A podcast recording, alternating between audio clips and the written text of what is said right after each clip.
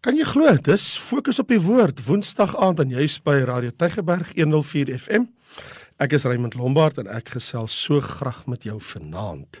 Weereens oor een van die gelykenisse wat eh, Jesus vir ons geleer het en vir ons vertel het. Maar voordat ek dit doen, eh, die gelykenis, wil ek eers die verse voor dit, wil ek net vir jou ietsie lees. Onthou jy daar in Lukas hoofstuk 11?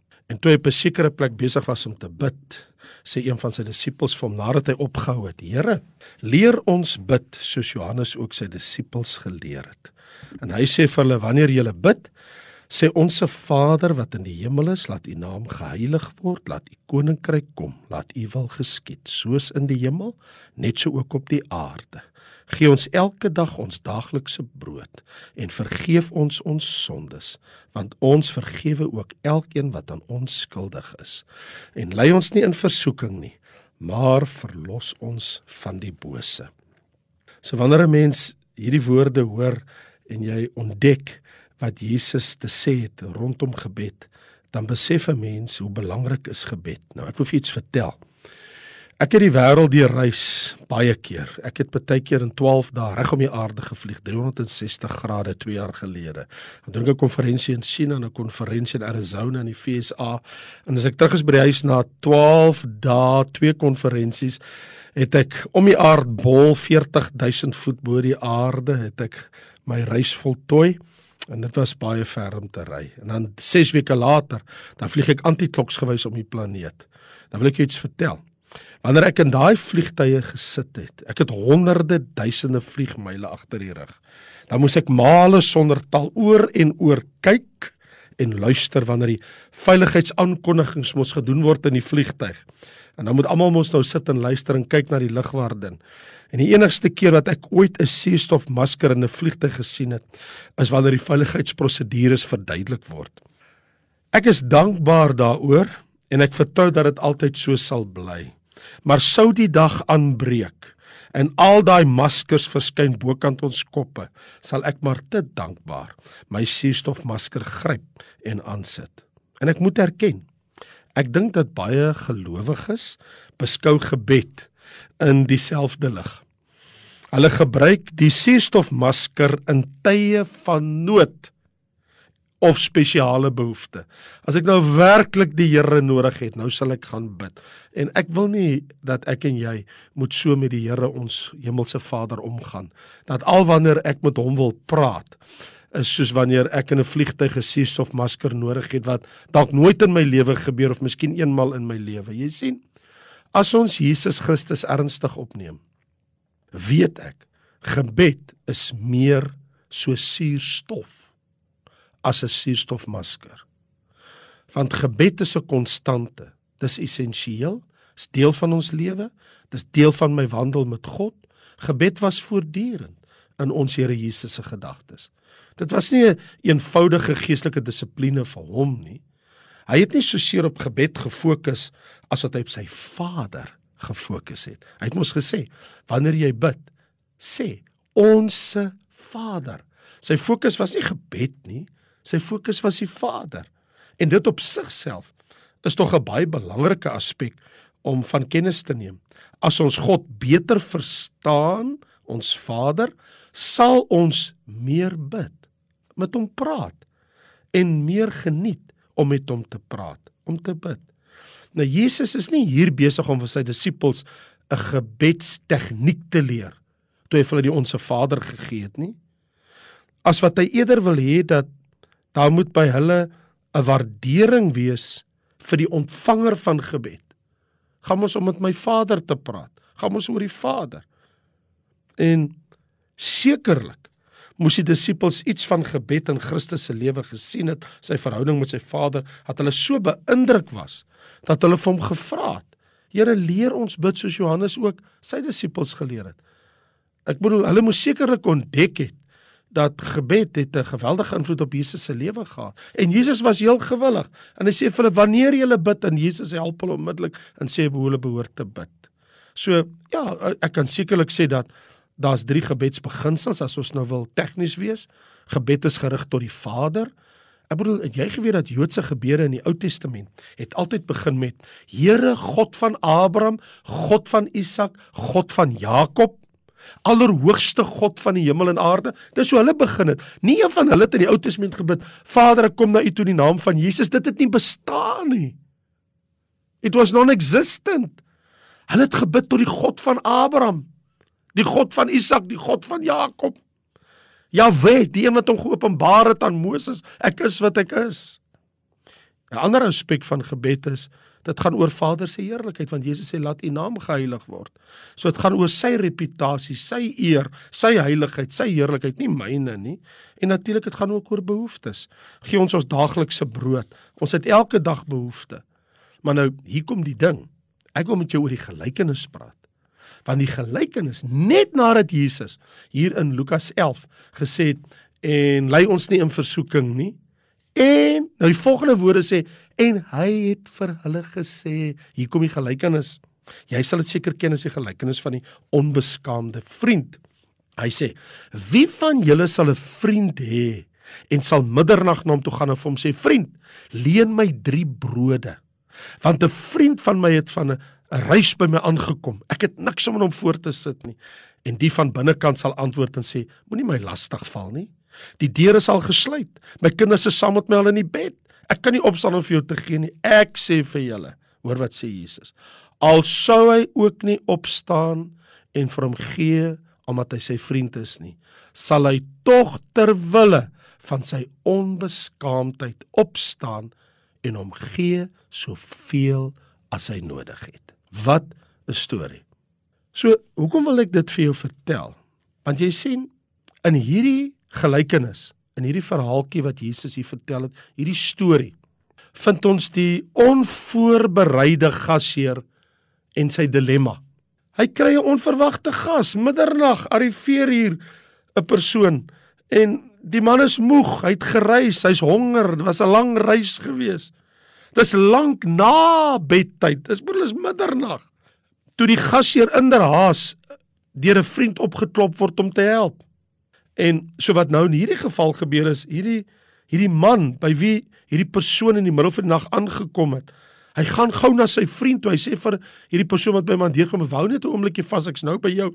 En hy hardloop na die na sy buurman toe en hy klop teen die deur by sy vriend. Hy sê, "Vriend, gee my asseblief 'n paar brode. Ek het 'n gas ontvang en ek het iets om hom te eet te gee nie. Nou, hierdie man sou dit mos nooit onder normale omstandighede gedoen het nie, reg? Jy doen mos so iets om in die middel van die nag dit te doen. Ek bedoel, hy sal mos nooit dit gedoen het as hy skielik lus was vir 'n middernagtelike happie vir 'n midnight snack. Jy gaan mos nou nie omdat jy in jou huis 'n middernag snack wil hê jou vriend opklop of jou buurman vir dit nie. Hy het gegaan om hulp te vra. Hy was desperaat. Hy was eintlik uit homself in 'n dilemma geplaas om die persoon wat by hom aangekom het te help. En as ons na Jesus se woorde gaan kyk, verseker hy ons dat die man se vriend sal opstaan en hy sal help want Jesus sê ter wille van sy onbeskaamdheid So wat leer ons by Jesus? Die vriend sal gereedelik opstaan en aan die man se versoek voldoen. Hy sal help. Al was die persoon wat by hom aangekom het se koms op 'n ongeleë tyd. Want waarin bestaan sy onbeskaamdheid? Omdat hy weet sy vriend sal nie normaalweg so optree nie. Hy het hulp dringend nodig. Daarom help hy hom. Ek bedoel, ek en jy gaan nie 3 uur in die oggend my bure opklop of jy jou bure om 'n koppie suiker te leen nie. Ek onthou as 'n kannetjie in my ma se huis as 'n ou laitie hoe sy partykeer by die buurvrou vir my gesê het, "Raymond, gaan gou-gou daar by die tannie langs aan, dan kry jy by haar 'n koppie suiker want ma wil vir julle koekies maak. Sê vir haar ek sal dit Vrydag as pa terugkom van waar hy sy reis af, sal ek vir haar die suiker weer teruggee." Onthou jy, ons het dit so gedoen, ons het so groot geword. Hoe verstaan ons hierdie storie wat Jesus vertel het betrekking tot gebed? Want die konteks gaan oor gebed. En nou vertel hy dit terwyl hy met hulle oor gebed praat. Hoekom doen hy dit? Jesus wil vir ons laat dink. Is God soos 'n slapende buurman wat geïrriteerd is, wanneer ons na hom toe kom op 'n ongeleë tyd met ons nood. Is dit wie God is? Presies die teenoorgestelde.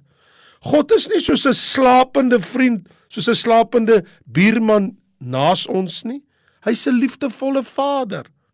En hierdie gelykenis is nie een van vergelyking tussen wat daai man gedoen het wat God doen nie, nee, maar die kontras. Die gelykenis wil vir ons die kontras gee. God is nie soos 'n slapende buurman wat te skaam sal wees om nee te sê. En nou sal hy maar hy voel geforseer. Hy hy moet dit maar doen. Hy sal maar tot aksie oorgaan alles behalwe wat Jesus ons hier leer, God is gou om te hoor en te antwoord. Want die gelykenis het nie gestop nie. Die gelykenis gaan aan.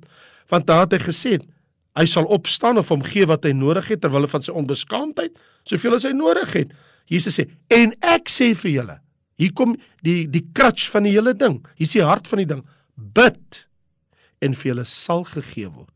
Soek en julle sal vind. Klop en vir die wat klop sal oopgemaak word. En vir watter vader onder julle wat sy seun 'n brood vra sal vir hom 'n klip gee of 'n vis en hy gee vir hom 'n slang of 'n eier en gee vir hom 'n skorpioen? As julle wat sleg is, weet om goeie gawes aan julle kinders te gee, hoeveel te meer sal die hemelse Vader die Heilige Gees gee aan die wat hom bid. So hier's die hier's hier's die hier's die kern van die ding. Bid, soek en klop. En het jy gesien of weet jy dat al drie in vers 9 bid, soek en klop is in die Griekse teenwoordige tyd. Wie wat dit beteken? In die oorspronklike oorspronklike Griekse teks waar die Nuwe Testament geskryf is, is teenwoordige tyd. Teenwoordige tyd beteken hou aan bid. Vra in geloof vir Vader. Hou aan soek in opregtheid by Vader. Hou aan klop want om aan te hou met klop toon dat die aanvanklike hindernisse God het nie onmiddellik geantwoord. My Vader het nog nie onmiddellik geantwoord. Die feit dat hy nie onmiddellik geantwoord word nie gesien as die finale weiering nie. Word nie gesien as nee nie. Hoekom? Jesus het 'n paar hoofstukke verder in Lukas hoofstuk 18 vertel hy vir ons hierdie wonderlike gelykenis van met die oog op dat 'n mens gedurig moet bid en nie moedeloos word nie. Onthou hierdie storie van die regter in die stad wat God nie gevrees en geen mens ontsien het nie? En daar was in die stad 'n weduwee, sy het gedurig gekom en sê, "Doen reg aan my teenoor my teeparty en 'n tyd lank wou hy nie, maar nadat hy sê, "Jong, al ontsien ek God nie en geen mense en ek is nie bang vir iemand nie, tog sal ek omdat hierdie weduwee my moeite gee aan haar reg doen sodat sy nie uiteindelik kom in my gesig slaan nie." Hy sê, "Ek sê vir julle, Vader sal gou reg doen. Maar as die seun van die mens kom, sal hy hierdie geloof op die aarde vind." So die die Bybel is baie duidelik. Wat Jesus hier vir ons leer is: Kom na die Vader met volle oortuiging dat God is toegewy tot ons. Hy's verbind tot ons. Hy wil ons help. Hy sal in ons behoeftes voorsien want die basis van ons gebed is nie ons volharding nie. Ek hou aan en aan en aan nie, maar is die karakter van God. Ek weet wie God is. Hy's 'n liefdevolle Vader. Hy's 'n goeie liefdevolle Vader en hy gee werklik om. Dit beteken nie ek kry alles wat ek wil hê nie. Vader weet wat die beste is. Die Vader in die hemel doen beter as 'n aardse vader. Wat hy gee, die Vader wat in die hemel is. Jesus sê in vers 13, hy gee aan ons die Heilige Gees aan die wat hom bid. Dis wat ek en jy eintlik nodig het. Ons het God se Gees in ons binneste nodig dat ons kan aanhou bid, aanhou vra, aanhou klop, want hy gee ons die Gees om ons te help. So Vader gee nie net ons daaglikse brood nie. Ek bedoel, ek en jy kan elke dag bid en ek glo jy het seker vanoggend gebid. Party van julle het miskien al die onsse Vader gebid. Miskien het jy 'n persoonlike gebed vir jouself gerig. Maar meer meer dan aardse dinge, gee Vader ook vir ons ewige dinge. So vriende, hoe sien ons gebed? sien ons dit as 'n suurstof masker of sien ons dit as suurstof? Wil jy net 'n bietjie vir 'n oomblik daaroor nadink? Hoekom bid jy wanneer jy bid? Is dit net omdat dit 'n plig, dis 'n pligsbesef of doen jy dit omdat jy 'n verhouding soek met jou hemelse Vader en sy seun Jesus Christus deur die Gees? Baie van ons gelowiges wil ek sê, het geestelike asma. Ja. Ons lewe geestelik al hoe hygen. Ons is kort van asem. Want ons kort geestelike asem. Ons hygen na geestelike asem want ons is gekneelter deur ons eie biddeloosheid. Ons eie biddeloosheid. En die toewyding van 'n disipel wat elke dag met Vader 'n verhouding soek, sal beteken hy's nie iemand wat hygend is na geestelike krag. Hy ly nie aan geestelike asma nie. Hy's nie kort van geestelike asem nie, want hy het 'n verhouding met sy hemelse Vader. Om na my Vader te gaan is my oplossing. Toe hulle vir Jesus vra leer ons bid, toe sê hy ja, ek sal julle wys. Ek sê vir julle sê hoe doen julle dit? Gaan en dan sê julle wanneer julle bid, onsse Vader wat in die hemele is. Hy's 'n liefdevolle Vader. Is aangrypend dat Jesus die een is wat ons kom leer het en wanneer ons kyk hoe Jesus altyd gebid het, altyd gepraat van Vader. As jy na Johannes 17 toe gaan na die hoofpriesterlike gebed van Jesus, dan sal jy ook sommer sien dat wanneer Jesus bid, hy het, hy het sy oë na die hemel opgehef in vers 1 van uh, Johannes 17 en hy sê Vader, die uur het gekom, verheerlik u seun sodat u seun u ook kan verheer. Vir Jesus was dit baie belangrik om met sy Vader 'n verhouding te hê.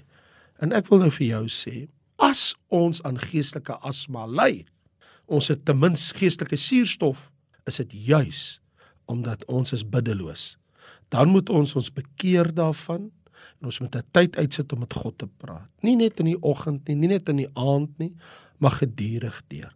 Net soos wat ek voortdurend asemhaal om suurstof in my longe in te bring sodat dit in my bloedselle kan kom sodat ek aan die lewe kan bly. As jy wil geestelik aan die lewe bly, het jy nodig om te bid. So bid is nie 'n werk nie. Party mense wil dit sien as 'n taak nie. Bid is 'n verhouding. Kom ek vir jou sê, miskien moet 'n mens dit so eenvoudig as moontlik maak. Gebed is om te praat. Dis al wat jy doen. Jy praat en jy luister. Jy praat met jou Vader en jy luister na jou Vader en na die Seun Jesus Christus. Ons soek ook die stem van die Gees in ons lewe. So ek wil jou nooi as jy nou weer na Lukas toe gaan, Lukas hoofstuk 11 en jy gaan lees die gelykenis van die onbeskaamde vriend. Onthou om die voorafgaande te lees want in die voorafgaande was hulle gevra uh, die disippels het hulle die Here gevra ag Here leer ons om te bid soos Johannes sy disippels geleer het ek wil jou aanmoedig en vir jou sê dat die belangrikste ding wat jy vandag kon gedoen het is om God te eer en te verheerlik en te aanbid en te prys want dit plaas ons in die posisie waar ons die seëninge van die Here kan ervaar, 'n verhouding met die Here kan hê. So ek wil jou aanmoedig en vir jou sê, maak ruimte vir jou hemelse Vader. Gee ruimte vir die seun in jou hart en gee ruimte vir die gees van God sodat jy met hulle 'n verhouding kan hê, dat ek met hulle 'n verhouding kan hê, met God 'n verhouding kan hê. Want dit is wanneer ek op my sterfbed lê, die een ding waaroor ek nie wil spyt wees. Die dag as ek op my bed lê en die dood met my kom haal, is daar twee dinge waaroor ek nie wil spyt wees nie. Ek wil nie spyt wees dat ek te min gebid het en dat ek die woord van die Here te min gelees het nie. Dis die twee goed wat ek my nooit wil berou nie. Dis die twee dinge wat God my van moet bewaar. Ek wil nie op my sterfbed lê en sê Here, het ek maar net u woord meer gelees. Ek wil nie op my sterfbed lê en sê wanneer ek daar hyg na my asem, my laaste asem teeg om nog in die lewe te bly en te dink het ek maar net meer gebid in my lewe. Dink in terme van gebed as 'n verhouding. Net soos wat jy met jou vroue verhouding het, met jou kinders se verhouding het, met jou vriende verhouding het, met werkgewer werknemer verhouding het, dink in terme van gebed nie as 'n werk nie. Dink in terme van dit is 'n verhouding. Dis my geleentheid, dis my tyd om Vader te verheerlik, Vader te aanbid en met hom 'n gesprek te hê. Mag die Here vir jou seën. Kom ons bid saam. Vader, dankie vir hierdie goddelike woord hier uit Lukas hoofstuk 11 die gelykenis van die onbeskaamde vriend. Om te besef dat God is nie iemand van wie ek moet afsmeek om my te help asof hy is 'n onwillige buurman en ek maak hom wakker, hy lê en slaap en Here word wakker. Here, U is wakker oor U woord om dit te volbring. Ek slaan my oë op na die berge. Waar sal my hulp vandaan kom? My hulp is van die Here wat hemel en aarde gemaak het en nie laat vaar die werke van sy hande nie. Vader, dankie dat ek met U 'n verhouding kan hê. Jesus, dankie dat U my beste vriend is, dat U die seun van God, die seun van die mens, my Here, my saligmaker, my koning is, my verlosser is. Dankie Gees van God dat U my leidsman is en dat U my leer en lei in die volle waarheid. Vader, ek wil U loof, ek wil U prys, ek wil U groot maak in my lewe en ek wil sê eer en heerlikheid en majesteit, danksegging, lofprysing, krag en heerlikheid behoort aan die Vader van die heerlikheid. Dankie Here dat ek kan bid, dat ek kan soek dat ek kan klop, dat ek kan aanhou bid, aanhou soek, aanhou klop, want ons se Vader is 'n liefdevolle Vader. Hy sal nie ons wegwys nie. Dankie daarvoor dat u deur altyd oop is en ook u hart. Ons loof u Vader in Jesus lieflike naam. Amen. Nou ja toe, ek is Raymond Lombard en ek wil jou groet en vir jou sê mag die vrede en die seën van die Here met jou wees. Amen.